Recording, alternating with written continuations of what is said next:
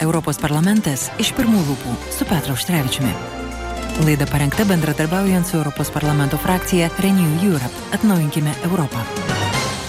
Sveiki, bičiuliai, studijoje prie mikrofono Liudas Ramanauskas. Šiandien mūsų rubrikoje pašnekovas europarlamentaras Petras Auštrevičius. Labadiena, gerbiamas europarlamentarė. Labadiena ir geros dienos visiems. Taip, tikiuosi, kad diena bus gera, bent nežinau, kaip ji gerai prasidėjo Europos parlamente. Šiandien Konstitucinių reikalų ir užsienio reikalų komiteto posėdėje turėjo būti balsuojama dėl pasiūlymų, kaip ES turėtų pasirengti tai būsimai plėtrai. Tai iš tikrųjų aktualus klausimas, ar komiteto posėdis jau įvyko ir kokie buvo balsavimo rezultatai, koks palaikymas buvo? Tai štai, gerbiamas Liūdai, turiu gerą žinią. Ką tik tai baigėsi mūsų posėdės, pritarta, pritarta e, bendram dokumentui, kurį ruošia tikrai ir Konstitucinių reikalų ir užsienio reikalų komitetas. 56 palaikė šitą e, pranešimą, 20 pasisakė prieš, 6 susilaikė. Kitaip sakant, labai solidžiai laimėtas, aš sakyčiau, solidus mūšis. O esmė yra tokia, iš tikrųjų, e, rengiantis ES plėtrai. O prie ES durų, priminsiu, dešimt valstybių, e, valstybių narių naujų lūkorioje, kai kurios pradėjo dėrybas, kai kurios ne, bet e, plėtra yra vienas dalykas, bet mes suprantame, kad ES reikia šiek tiek keisti. Štai, štai Vengrijos elgesys ir Orbano tiksliau elgesys ir kiti rodo, kad, na, žinot, jeigu mes tokią ES dar daugiau išplėsime ir ateis, tarkime, Vučičių su savo, iš Serbijos su savo interesais, tai mes būsime apskritai ir paralyžiuoti ir nesugebėsime finansuoti valstybių narių ir panašiai. Kitaip sakant, reformos reikalingos. Tai mes radom, aš manyčiau, labai gerą kompromiso e, būdu parengtą e, pranešimą, nes reikėjo suderinti daug dalykų. Taip. Ir man malonu pasakyti, kad tikrai tai yra solidus dokumentas atveriantis galimybę ir reformoms, ir ES plėtrai. Ar galime trumpai tada, jeigu kalbėti apie reformas ir iš tikrųjų tas patinės situacijas, į kurias ES jau ne vieną kartą yra patekusi ir dėl Vengrijos, tai kokie tie konkretūs pasiūlymai, kurie galbūt ateitie padėtų išvengti tokių probleminių taškų? Na, iš tiesų, čia nėra jokių, kaip sakyti, tokių e, stebuklingų dalykų.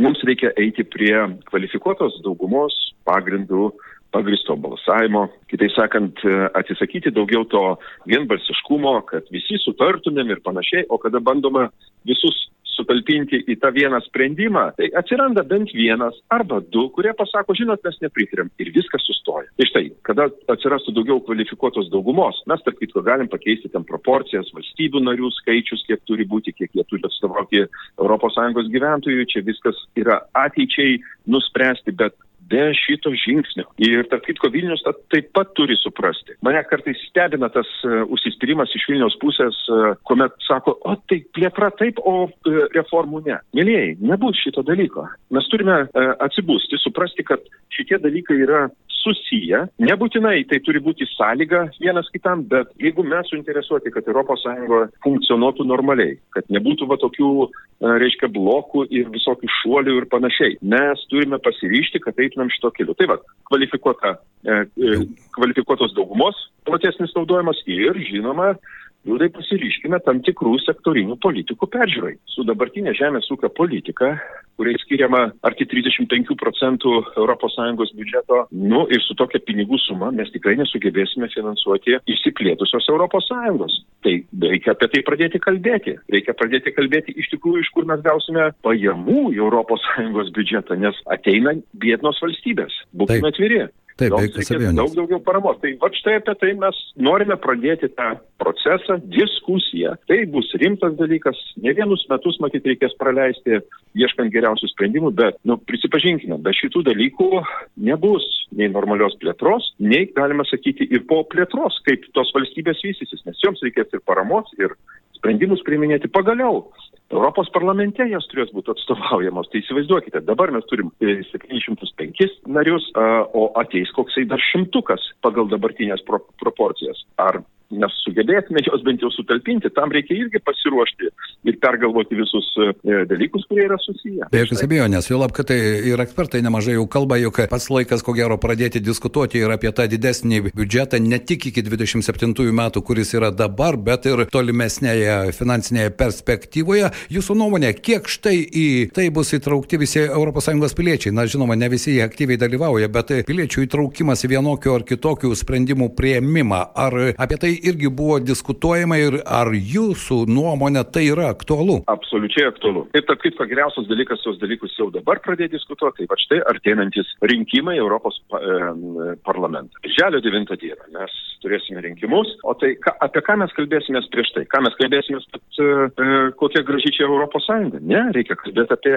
realius dalykus, kokius mes turime keisti, kokius naujus dalykus matysime Sąjungoje. Tai pats geriausias dalykas, kuomet tie visi kandidatai ar pretenduojantis būti e, nariais Sąjungos parlamentą paaiškintų savo viziją, paaiškintų, kokius sprendimus jie parems, labai konkrečiai, ne, ne, nekalbėtų tokiam abstrakčiom frazėm, išaiškintų žmonėms. Ir tiesą sakant, mūsų pranešime mes labai e, pabrėžiame tą komunikaciją, būtent e, ryšys, paaiškinti, kodėl tai turi būti daromi šitie sprendimai, kokie sprendimai gali būti, reikia pradėti kalbėti su europiečiais kaip galima anksčiau Ir žinoma, tai turi būti daroma ir valstybėse kandidatėse. Deja, jiems turi būti paaiškinama, kokius sprendimus jie turi priimti, kad pasiruoštų tai pačiai narystiai. O čia mes ES viduje turim kalbėti, kokias reformas turim padaryti ir kaip mes rengiamės naujų valstybių prieimimui. Tai rinkimų kampanija yra idealiausias momentas, kada apie tai ir turime visi darniai kalbėtis. Taip, be jokios abejonės, diskutuoti, o nesakyti, kad vėl Europa nuleido vieną ar kitą rezoliuciją. Beje, praėjusią savaitę, jeigu neklystu, parlamentas priėmė rezoliuciją rezoliucija dėl tų 10 milijardų eurų paramos e, po Europos komisijos sprendimo Vengrijai. Ar tos diskusijos e, dar virs Europos parlamente, nes e, ten nuomonių buvo daug ir diskusijos buvo karštos? Žinoma, kad taip. Mes labai tikimės, kad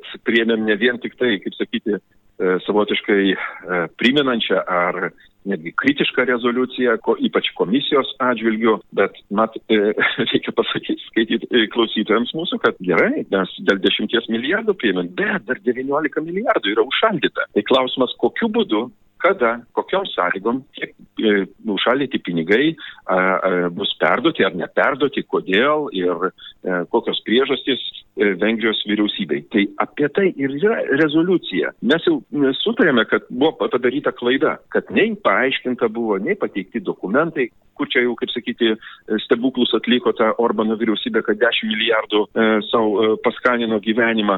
Bet o kas bus toliau? Todėl e, vien, iš vienos pusės yra savotiškas perspėjimas komisijai, kad nesielkite taip, kaip jau padarėte, nes buvo padaryta žala e, demokratijai ir apskritai sprendimų prieimimo procesui ES, bet mes kėlėme klausimą, o kaip bus toliau.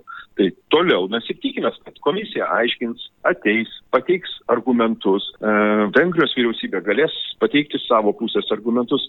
Apie tai ir yra politinė diskusija, o ne tai, kad, žinot, e, prieš e, e, Europos tarybos susitikimus, kada mato, kad jau krizinė situacija, greitai verčiantis per galvą priimimi sprendimai, kurie stokoja skaidrumo. Beje, kalbant apie Europos vadovų tarybą, jau vasario pirmąją už kalnų ir vėl bus klausimas ir čia mano nuomonė, ir jūs tam ne vieną kartą skiriate labai didelį dėmesį, tai yra karinės pagalbos teikimo Ukrainai klausimas, jis kuo toliau, tuo labiau. Dabartinėje situacijoje yra aktualesnis, žinant, kokios peripetijos su amerikiečių skiriama pagalba ir kada ten tas klausimas įsispręs, tai štai debatai dėl karinės pagalbos teikimo Ukrainai, kokia dabar ten yra temperatūra ir kokios jūsų išvalgos? Iš vienos pusės mes gavome labai rimtą ir tokį, nu galbūt savotiškai nuraminantį, dalinai nuraminantį pranešimą, kad e, e, tas milijonas šaudmenų, e, sviedinių Ukrainai iki, sakykime taip, iki gegužės mėnesio tikrai bus pagamintas ir didelė dalis jau matyt perduota Ukrainai. Čia komisaro e, e,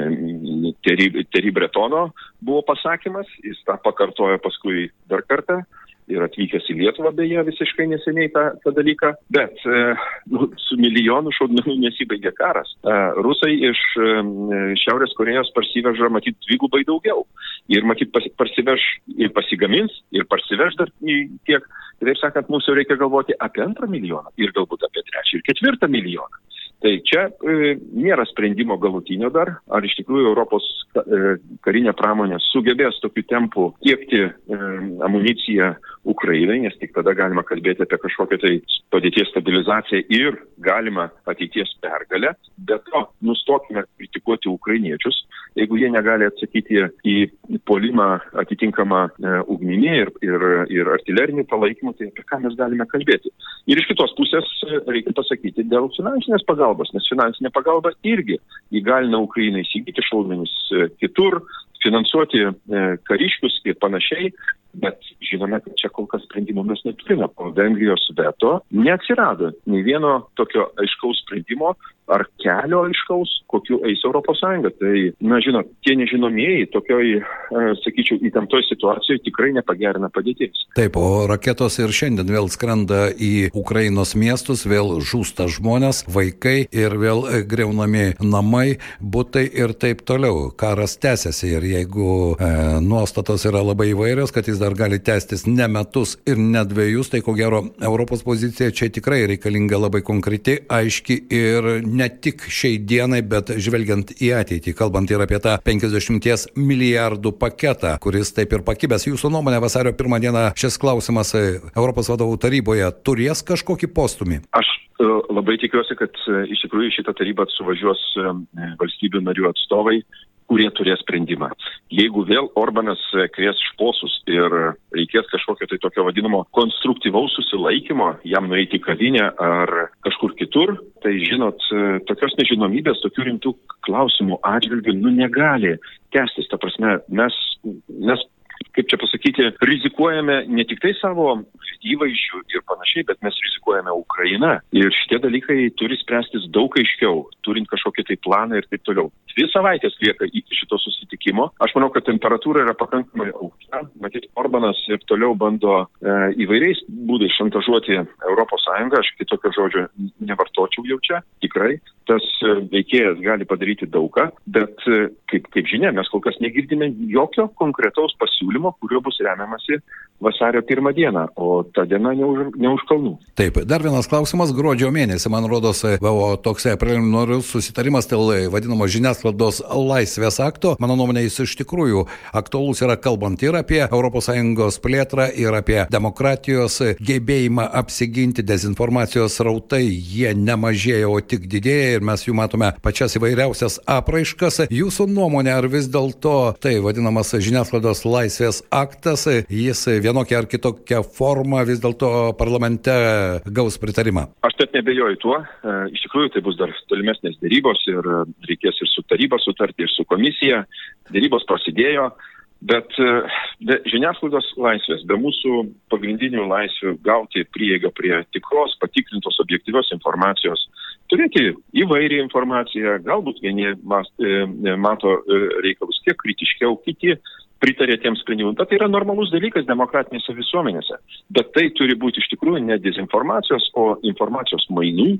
Tame beje akte, kur mes e, kalbame apie žiniasklaidos laisvę, kalbama ir apie skaidrumą tos pačios žiniasklaidos finansavimo, Taip. akcininkų atskleidimą ir panašiai, kas yra, mano manimu, yra natūralus dalykas. Kaip kitaip tu gali pasitikėti žiniasklaidą, kuri formuoja visuomenį, e, e, viešąją nuomonę, kuri beje yra politinis procesas, ar ne, jau kalbėkime atvirai, ir tu nežinai, kas tie iš tikrųjų veikiantis asmenys. Todėl ir atsakomybės klausimas, ir skaidrumo klausimas, ir duomenų apsaugos dalykai, žurnalistų apsauga nuo galimų kažkokių tai persikėjimų ar um, nereikalingų duomenų atskleidimo.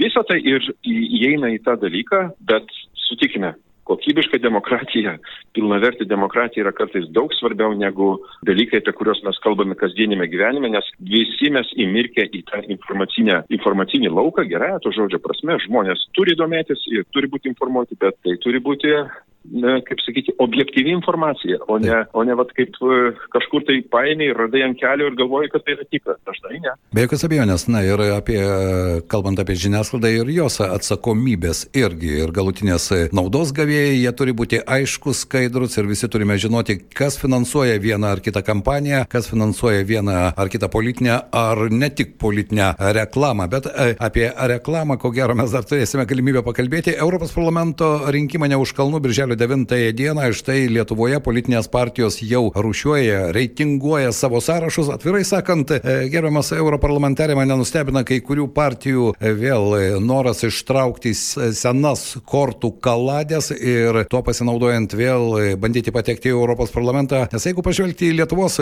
atstovus Europos parlamente, na gera pusė galbūt ne, bet mes nemažai jų žinome, kurie absoliučiai, mano nuomonė, nieko ten ir nenuveikia ir nieko neveikia. Na, mato, čia rinkėjus e, spręsti. Rinkėjus spręsti, o rinkėjui turi būti pateikta ataskaita. Aš tą dalyką darau kiekvieną pusmetį, kiekvienus metus, atsiskaitau ir už e, kadenciją ir panašiai. E, manau, kad tai yra pareiga kiekvieno politiko atsiskaitinėti, kur tu pasakai, ką tu darėjai, ką tu padarėjai, kur galima pamatyti, kad e, iš tikrųjų patikrinti, ar tu ten buvai, ar tu ten kažką tai e, nuveikiai ir taip toliau. Mane, tiesą sakant, šokiruoja e, tas, atvirai pasakysiu, žodis cinizmas. Cinizmas, kada nieko nedarydamas, e, tu dar drįsti kažką tai kalbėti, mokyti kitus ir pasakyti, kad aš ne tik nedariau, aš nedarysiu ir toliau, bet jūs man turite duoti mandatą, turit mane išrinkti ir aš sėdėsiu arba nesėdėsiu dažniausiai Europos parlamente, bet vis tiek aš esu kažką tai nusipelnęs. Na, žinot, čia yra e, vagystė dienos metu, viešųjų interesų prasme, Tai yra e, nesuderinami dalykai. Žinot, Lietuva turi tik 11. Taip. Mes visą laiką kalbam, ar įtakinga Lietuva. Na nu, tai, va štai jums ir pavyzdys. Bus įtakinga tiek, jeigu kiekvienas dirbs už du. O galbūt ir už tris. Tada tai Lietuva bus įtakingesnė ir pasieks tai, ko reikia. Bet jeigu e, mes turime dalį, kurie nei rodosi, nei dirba, nei kažką tai pateikė savo, nei kažką tai organizuoja ir mes kalbam apie Lietuvos įtaką. Tai štai jums, gerbėmėjai, e, birželio 9 dienos, kaip sakant, e, įrankis. Pagalvokite apie tai, nes kitu atveju Lietuva bus dar mažesnė, turėdama tik tai dalį dirbančių e, Europos e, parlamentarų. Ir dėja tas kartojasi iš kadencijos į kadenciją. Į kadenciją taip. Aš nežinau.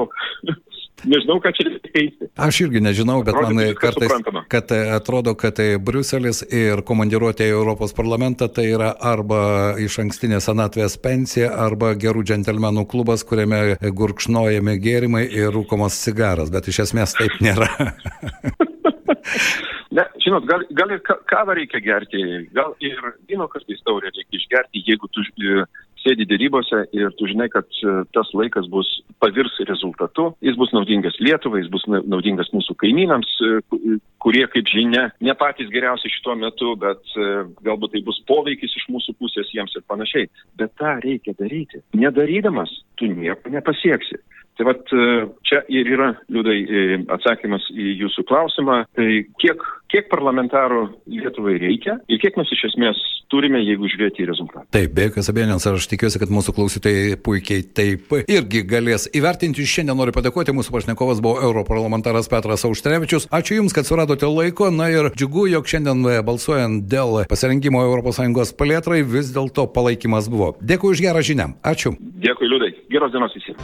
Europos parlamentas iš pirmų lūpų su Petru Auštrevičiumi.